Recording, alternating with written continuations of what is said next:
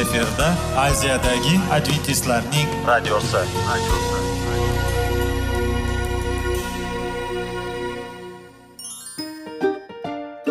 Assalomu alaykum aziz radio tinglovchilar. Sog'liq daqiqasi rubrikasiga xush kelibsiz. Zero tananing sog'lom bo'lishi va uning kasalliklardan saqlash har bir insonning burchi hisoblanadi. Inson uchun bebaho boylik bu sog'liq salomatlikdir. Uni asrash esa har birimizga omonat qilib berilgan. Shuning uchun ham inson o'z sog'lig'ini ehtiyot qilishi voajib amallardan hisoblanadi. Dono xalqimiz sog'liq tuman boylik deb bejiz aytmagan. Aql idroq sohibi bo'lgan inson o'z hayotini qadrlashi lozim bo'ladi. Hozirgi kunda qanchalik dori darmonlar ko'paymasin tibbiy muassa sifati shifokorlar vasiyasi tibbiy texnika yaxshilanmasin.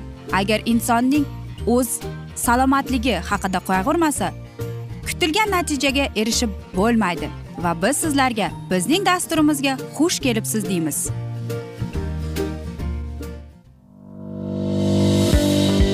Sog'liq daqiqasi soliqning kaliti qiziqarli ma'lumotlar faktlar.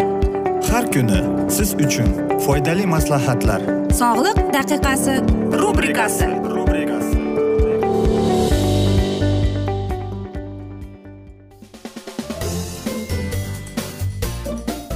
assalomu alaykum aziz radio tinglovchilar dasturimizga xush kelibsiz va biz sizlar bilan qanday qilib sog'lom bo'lish kerak degan dasturni o'qib eshittirishni boshlagan edik va bugungi bizning dasturimizning mavzusi qanday qilib mevalar va sabzavotlar bilan biz yordamida og'ir vazn bilan o'zimiz kurashishimiz mumkin deb nomlanadi. Albatta mevalar bizga yordamchi sabzavotlar bizga yordamchi.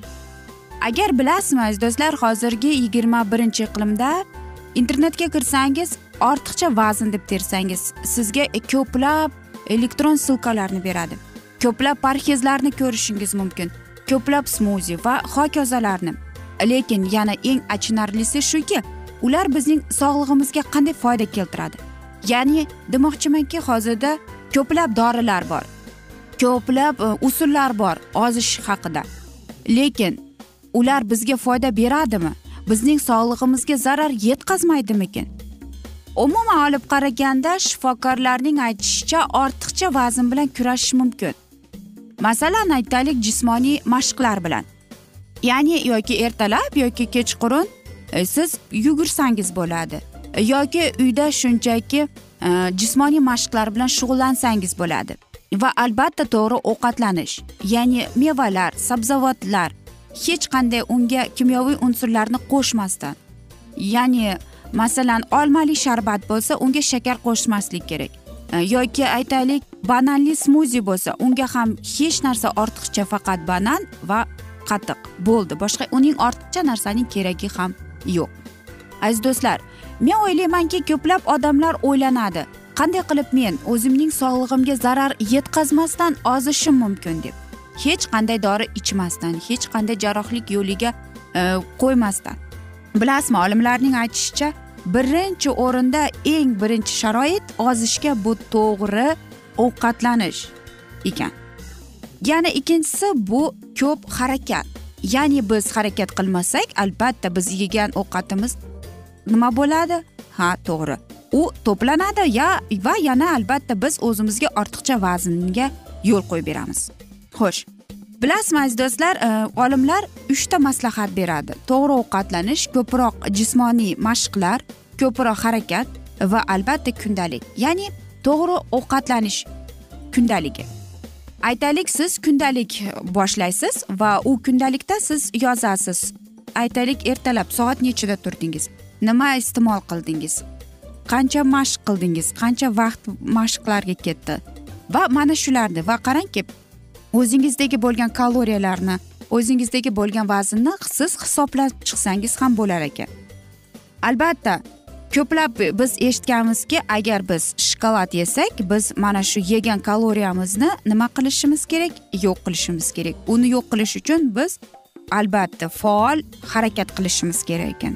Xo'sh biz aytamizki qanday qilib bizga yordam beradi deb.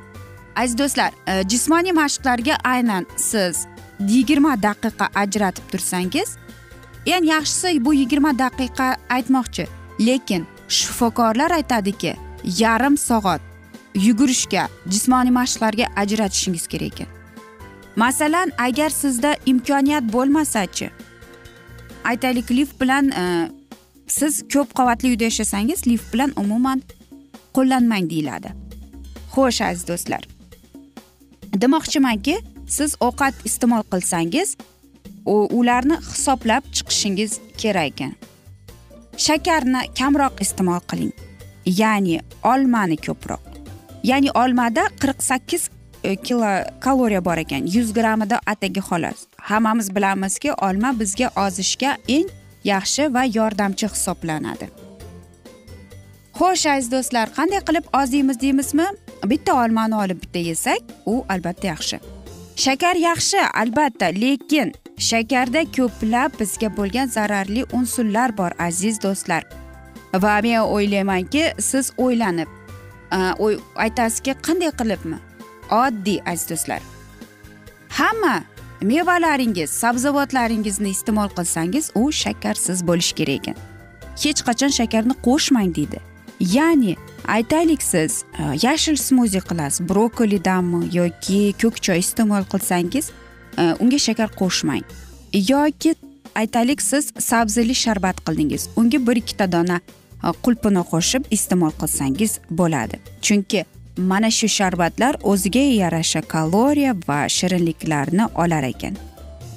Va albatta aytmoqchimanki yana o'tlardan choy bu ramashka choyi va Э, mana shunday ro'ybish degan choy bor u ham yordam beradi ozishga. Aziz do'stlar demoqchimizki kamroq iste'mol qilib shakarlarni chunki shakar bizni ozishga yordam bermaydi u hattoki bizga zarar keltiradi deb aytamiz. Xo'sh aziz do'stlar o'ylaymanki siz e, to'g'ri xulosa chiqarasiz deb. Axir biz jismoniy mashqlar bilan shug'ullanib to'g'ri ovqatlanib qanday ovqatlanib va mana shu agar kundaligingizda bo'lsa aziz do'stlar aytaylik bir oy o'zingiz uchun mana shunday bir shunchaki oddiy eksperiment qilib ko'ring. Qanchaga mana oyni boshida e, siz taroziga tortib o'zingizni bilasiz ko'rasiz vazningizni bir oy o'tgach jismoniy mashqlar to'g'ri ovqatlanib mevalar sabzavotlar yeb bir oy o'tgandan keyin yana taroziga qo'yib o'zingizni solishtirasiz aziz do'stlar. Va mana shunda aytmoqchimanki vazningiz yo'qoladi deb.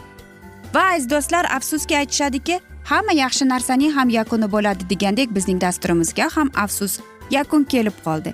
Lekin sizlarda savollar tug'ilgan bo'lsa biz sizlarni salomat klub internet saytimizga taklif qilib qolamiz va umid qilamiz bizni tark etmaysiz deb. Chunki oldinda bundanda qiziq va foydali dasturlar kutib kelmoqda va biz sizlarga sog'liq tilagan holda xayrlashib qolamiz.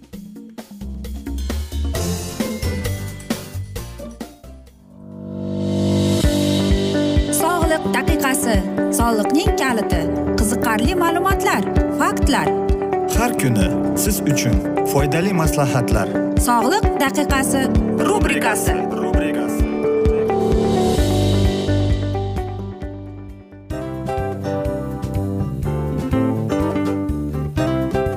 Mana ha hayotda hamma narsaning yaxshi narsalar tugaydi va yakunlaydi degandek bizning dasturimizga ham yakun keldi o'ylaymanki bizning dasturimiz sizga foydali bo'ldi deb aziz radio tinglovchimiz.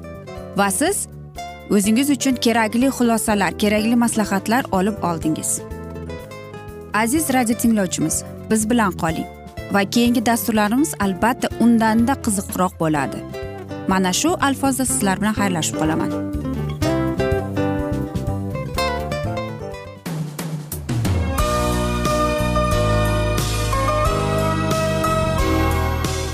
Efirda aziyadagi adventistlarning radiosi.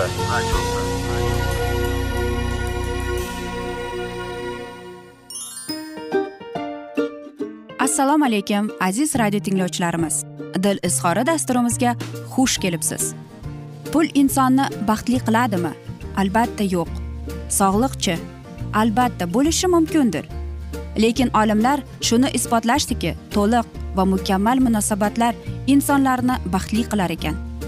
Albatta biz hayot davomida biz yaqin insonlar bilan odamlar bilan aloqada bo'lamiz va ular bilan munosabatlarimiz qanday kechadi qanday tuziladi?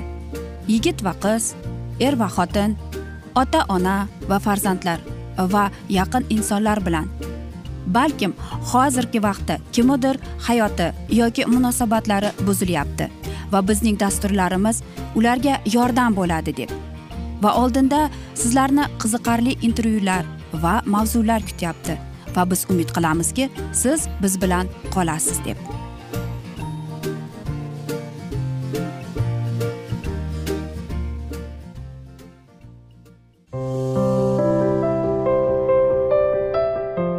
Kuni har xil kasbdagi odamlar bilan sirlashish va bo'lishish sevgi rashq munosabat bularni hammasi dil izhori rubrikasida.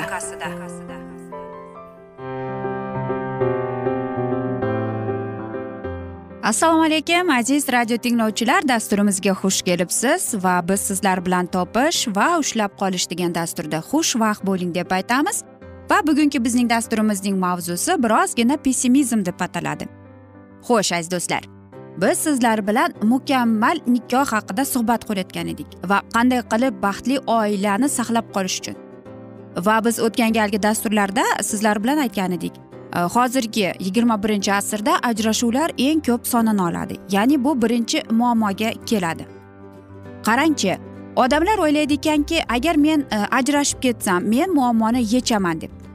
Lekin oxirgi statistik ma'lumotlarga ko'ra o'ttiz sakkiz foizi birinchi ajrashuvlar birinchi nikohlar aynan ajrashuv bilan tugaydi ekan va qarangki mana shu statistika bo'yicha bularning qatoriga hattoki xudoga sig'inuvchilar ham kirar ekan. Birgina los anjelesda qarangki mana shunday ellik foizga oshgan ekan. Eng boymat rayon kaliforniyada esa yetmish foizga. Ya'ni e, bularning hammasi ajrashuv bilan tugaydi ekan. Xo'sh nega mana shu insonlar yoki ajrashuvga berayotgan odamlar o'ylamaydiki agar men ikkinchi marotaba turmush qursam nikoh qursam ajrashmaymanmikin deb? Lekin qarangki statistika bizga shuni aytadiki ikkinchi nikohda ham ikki barobar ko'p bo'lar ekan ajrashuvlar.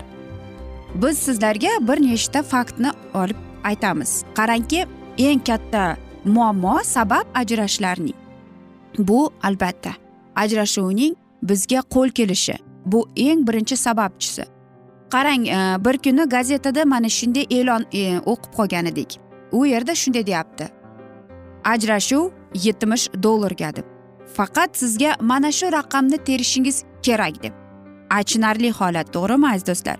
Ikkinchi sabab esa bu albatta oiladagi urf odatlarning yo'q bo'lib ketishi.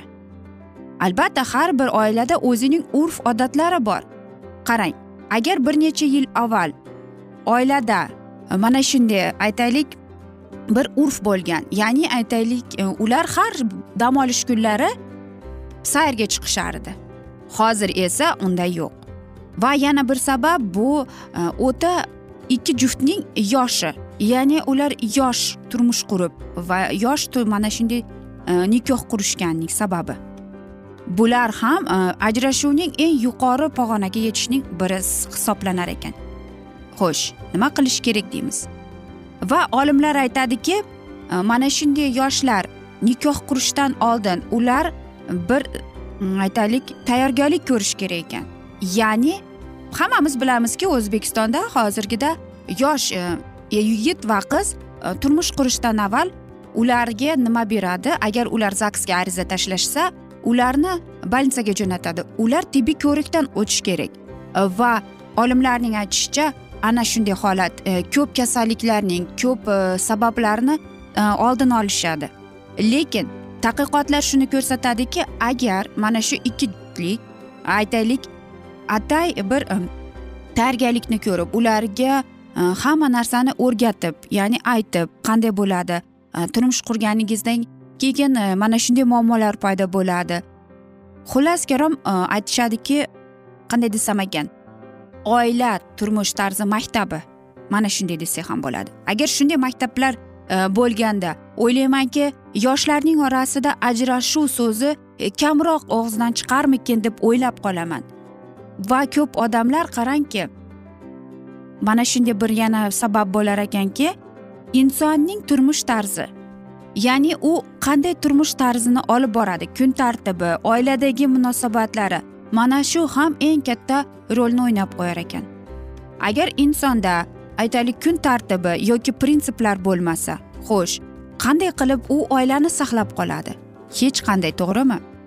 Agar bir insonda aytaylik shubha gumon paydo bo'lib qolsa yoki qo'rquv paydo bo'lib qolsa albatta u mana shu narsani jufti haloliga aytmasdan yoki sevgan kishisiga aytolmasdan o'zini yolg'iz va yuragida bo'shliq paydo bo'ladi. Qarang e, ko'pchilik e, aytishadiki ajrashuvlarda faqatgina to'qson foizini emas o'n foizini hattoki e, muammoni yechmaydi ekan. Shuning uchun ham agar ajrashuv ajrashuvdan keyin nima paydo bo'ladi? To'g'ri yurak og'riydi. Yolg'izlik paydo bo'ladi va u inson ajrashib ketgan inson o'zini bo'sh his qiladi. Va keyingi mana shu nikohga yo'l qo'yishdan avval u o'ylanib ko'radi. Men to'g'ri harakat qilyapmanmi deb. Lekin hech qachon agar turmush qurgan bo'lsangiz ham urushib janjal muammo paydo bo'lgan bo'lsa ham ajrashuv hattoki xayolingizga ham keltirmaslik kerak. Uni qaytani aksincha qilib e, qanday qilib men mana shu muammoni yechishim mumkin. Qanday qilib men achchiqning ustida o'sha insonning ko'nglini og'ritib qo'ydim. Kel men kechirim so'rayman. E, mana shu muammoni ikkalamiz yechamiz. O'tirib gaplashib bir biringizdan kechirim so'rab va mana shundagina baxtli oilaning bir urf odati bo'lib qoladi deyman. Birinchi o'rinda chunki biz o'zimizning turmush o'rtog'imizga do'st bo'lishimiz kerak. Keyin esa biz turmush o'rtoq bo'lamiz keyin esa biz ota ona bo'lamiz aziz do'stlar. Va shuni aytmoqchimanki orada sevgi bo'lishi kerak. Agar sevgi bo'lmasa oilani saqlab qolishning ham e, qiyinroq bo'ladi deymiz. Va afsus mana shunday asnoda aytmoqchimanki hamma yaxshi narsaning ham yakuni bo'ladi degandek bizning dasturimizga ham yakun kelib qoldi. Chunki vaqt birozgina chetlatilgan lekin keyingi dasturlarda mana shu mavzuni yana o'qib eshittiramiz. Va men umid qilamanki bizni tark etmaysiz deb chunki oldinda bundanda qiziq va foydali dasturlar sizni kutib kelmoqda aziz do'stlar. Biz esa sizlarga va oilangizga tinchlik tilagan holda seving seviling deb xayrlashib qolamiz.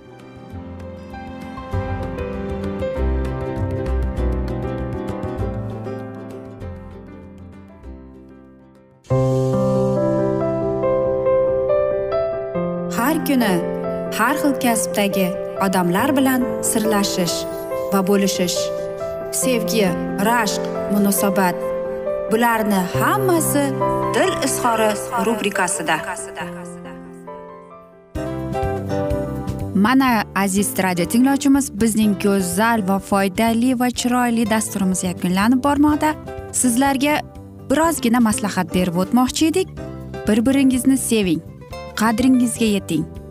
Va erkalang albatta bir biringizni va sizga judayam chiroyli va mustahkam munosabatlar tilab qolamiz albatta. Sevgilingiz doimo yoningizda bo'lsin. Mana shu borada sizlar bilan xayrlashib qolamiz. Xayr.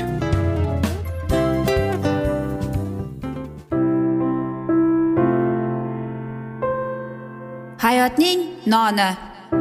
Qiziqtirgan savollar va javoblar. Buning hammasi ko'ngil uchun oziqa rubrikasida.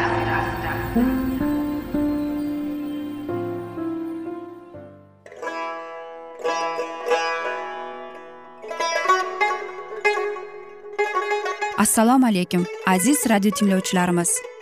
Ko'ngil uchun oziqa rubrikasida xush kelibsiz deymiz. Siz haqiqatni izlayapsizmi? Olamnimi? Umidnimi? Siz kimga murojaat qilmoqchisiz?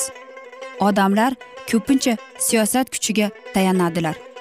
Dunyo iqtisodiyoti holati tobora chuqurlashib bormoqda. Tabiiy ofatlar va texnogen halokatlar minglab insonlarning hayotini olib ketib juda katta zarar yetkazmoqda. Sizga abadiy hayot inomini hadya qiluvchi va hayotingizni tubdan o'zgartiruvchi haqiqatni izlab toping. Xudo haqidagi haqiqat uning kalomida mujassamlashgan. Kimki bu haqiqatni butun qalbi bilan izlasa albatta unga yetishadi. Bu sevgi xudoning tarixidir. Hayotingizda yoki sizning yon atrofingizdagi olamda nimalar yuz berishidan qat'iy nazar? Siz ertagi kunga buyuk umid va ishonch hosil qilishingiz mumkin. Hozirda xudo sizga taklif qilayotgan umid ishonchga o'z qalbingizni oching va sizni qiziqtirayotgan mavzularni savollaringizga javoblaringizni topib olasiz deb umid qilamiz. Biz bilan qoling.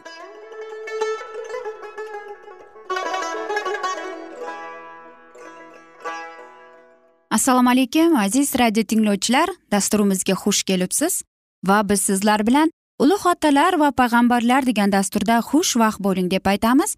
Va bugungi bizning dasturimizning mavzusi tufon deb nomlanadi. Va biz sizlar bilan o'tgan galgi mavzuni bugun davom ettiramiz.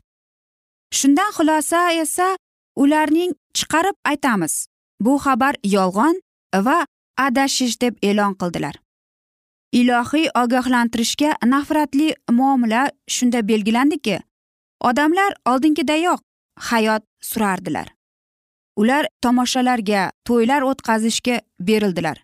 Yedilar ichdilar sepdilar ko'rdilar har qanday foyda keltiradigan rejalar tuzdilar va shu onda ilohiy talablarini ochiq rad etdilar va parvardigori olam oldida qo'rquvni qoldirib vijdonsizlikka cho'qmoqni davom qildilar. Yanada nuh payg'ambarning so'zlariga qarshi kelib agar uning aytgan so'zlarida bir qism haqiqat bo'lsa edi o'z donishmandliklari bilan belgili erlar albatta vaziyatni darrov fahmlardilar deb bahona topdi. Tufongacha bo'lgan kunlarda odamlar ogohlantirish xabariga ishonib yomon qilmishlarida tavba qilgan bo'lsalardi xudo o'z g'azabini to'xtatar edi. Niniviya shaharning taqdirini eslang lekin xudovandning payg'ambari orqali ogohlantirib yuborilgan vijdon ovoziga ular tish tirnog'i bilan qarshilik ko'rsatdilar. Qonunsizlik kosasi to'lg'izdilar va ularning taqdiri yechildi. Sinov vaqti oxiriga yaqinlashdi. Xudovand tayinlaganini nuh payg'ambar sadoqat ila bajardi. Kema qurilishi yakunlandi. U xudo aytgandek bajo bo'ldi. Odamlar va jonivorlar uchun yetarli oziq ovqat tayyorlandi. Qarangki va endi ilohiy xizmatchi oxirgi marta haloklikka da'vat etdi deydi. So'zlar orqali aytib bo'lmaydigan zavq qilib bilan u yana odamlarga yolvordi. Lekin javoban faqat masxarali so'zlar eshitdi.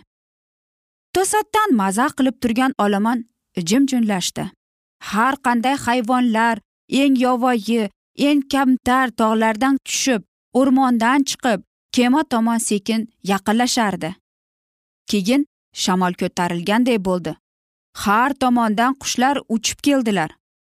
Ular shunchalik ko'p ediki osmon qorayib ketdi. Lekin benuqson tartib hammani hayron qoldirdi. Kema tomon yo'l olar ekan hayvonlar xudoga bo'ysunardilar. Odamlar esa o'z itoatsizligida qolaverdilar. Muqaddas farishtalar yordamida ular halol bo'lgan har bir chorva toyog'ining erkak va urg'ochi jinsidan yettitadan kemaga kirgizdi. Odamlar hayron bo'lib qaysilari dahshatlanib bo'layotgan voqeani ko'zlaridan kechirardilar. Jonivorlarning odatdan tashqari kuzatayotgan xatti harakati hech bir olim tushuntirib berolmasdi faxrlanib yetishi uchun e, yorug'likni tark etib shunchalik shafqatsizlandiki hatto qoldirmadi deydi albatta odamlar o'z nurini sochgan quyoshga qaraganlarida haligacha jannat bog'iday bo'lgan go'zal yerni ko'rganlarida ular atayin o'zlarining ustiga qo'yilishiga tayyor turgan xudoning g'azabini xohlaganday qalblarida paydo bo'lgan vahimani asabiy kulgiga aylantirdilar. Xudo nuhga xitob qildi. Sen butun xonadoning bilan kemaga kiringlar. Chunki bu nasl orasidan mening nazarimda solih bo'lgan yolg'iz seni topdim dedi. Dunyo nuh payg'ambarning ogohlantirishini tark etdi lekin uning namunasi oilasiga baraka keltirdi. Adolatligi va e'timodli bo'lgani oilani qutqardi. Ota onani hurmat qilganning inomi naqadar? Gunohkor qavmi uchun iltifotli vaqt tugadi. Dala jonivorlari va qushlar makonga bekindi. Nuh payg'ambar uydagilari ila kemaga kirdi va xudovand orqalaridan eshikni yopdi. Osmonni ko'z chiday olmaydigan nur yoritdi. Chaqmoqdan yorqin bo'lgan shuhratli bulut osmondan tushdi. Va kemaga kirish oldida to'xtadi. Ko'rinmas qo'l og'ir eshikni yopdi chunki uni yopishga odamning kuchi yetmas edi. Nuh kema ichida ehtiyot bo'ldi. Xudoning inoyatidan kechganlar esa tashqarida qoldilar. Eshik muhrlandi. Xudo uni yopdi va faqat xudo uni ochardi xuddi shunday zamon oxirida isoning ikkinchi marta samoviy bulutlar ustida yer yuziga qaytishi oldida u o'z vositasini aybdor qafim uchun tamomlagandan keyin inoyat eshigi yopiladi. Shunda ilohiy iltifot endigina badqirodalarning harakatiga to'siqlik qilmaydi va xudoning inoyatini tark etganlarning ustidan shayton iqtidor qozonadi. Shu paytda ular ilohiy xalqni yo'q qilishga intilardilar lekin nuh payg'ambar kemada panoh topganday taqvodorlar ilohiy kuch bilan himoya qilinadilar. Ajoyib xabar. Mana shunday voqeani siz muqaddas kitobda injil kitobida o'qishingiz mumkin. Biz esa mana shunday asnoda afsus bugungi dasturimizni yakunlab qolamiz chunki vaqt birozgina chetlatilgan. Lekin aziz do'stlar keyingi dasturda mana shu mavzuni yana o'qib eshittiramiz. Va sizlarda savollar tug'ilgan bo'lsa biz sizlarni adventis tochka ru internet saytimizga taklif qilib qolamiz. Va umid qilamizki bizni tark etmaysiz deb chunki oldinda bundanda qiziq va foydali dasturlar kutib kelmoqda. Biz esa sizlarga oilangizga tinchlik xotirjamlik tilagan holda xayrlashib qolamiz.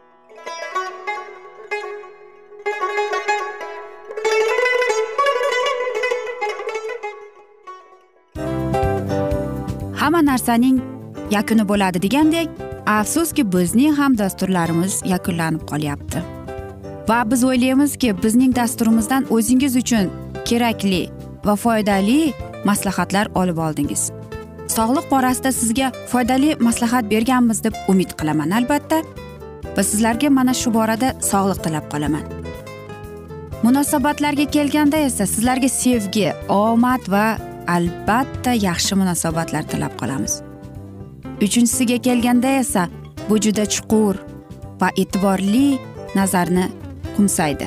Va sizlarga mana shu yaxshilik kayfiyatda sizni kayfiyatingizni ko'targan holda sizlar bilan xayrlashib qolaman afsuski. Ammo lekin keyingi dasturlarimiz undanda qiziq bo'ladi. Va siz biz bilan bo'ling bizni tanlaganingiz uchun sizlarga rahmat. Omad sizlarga xayr.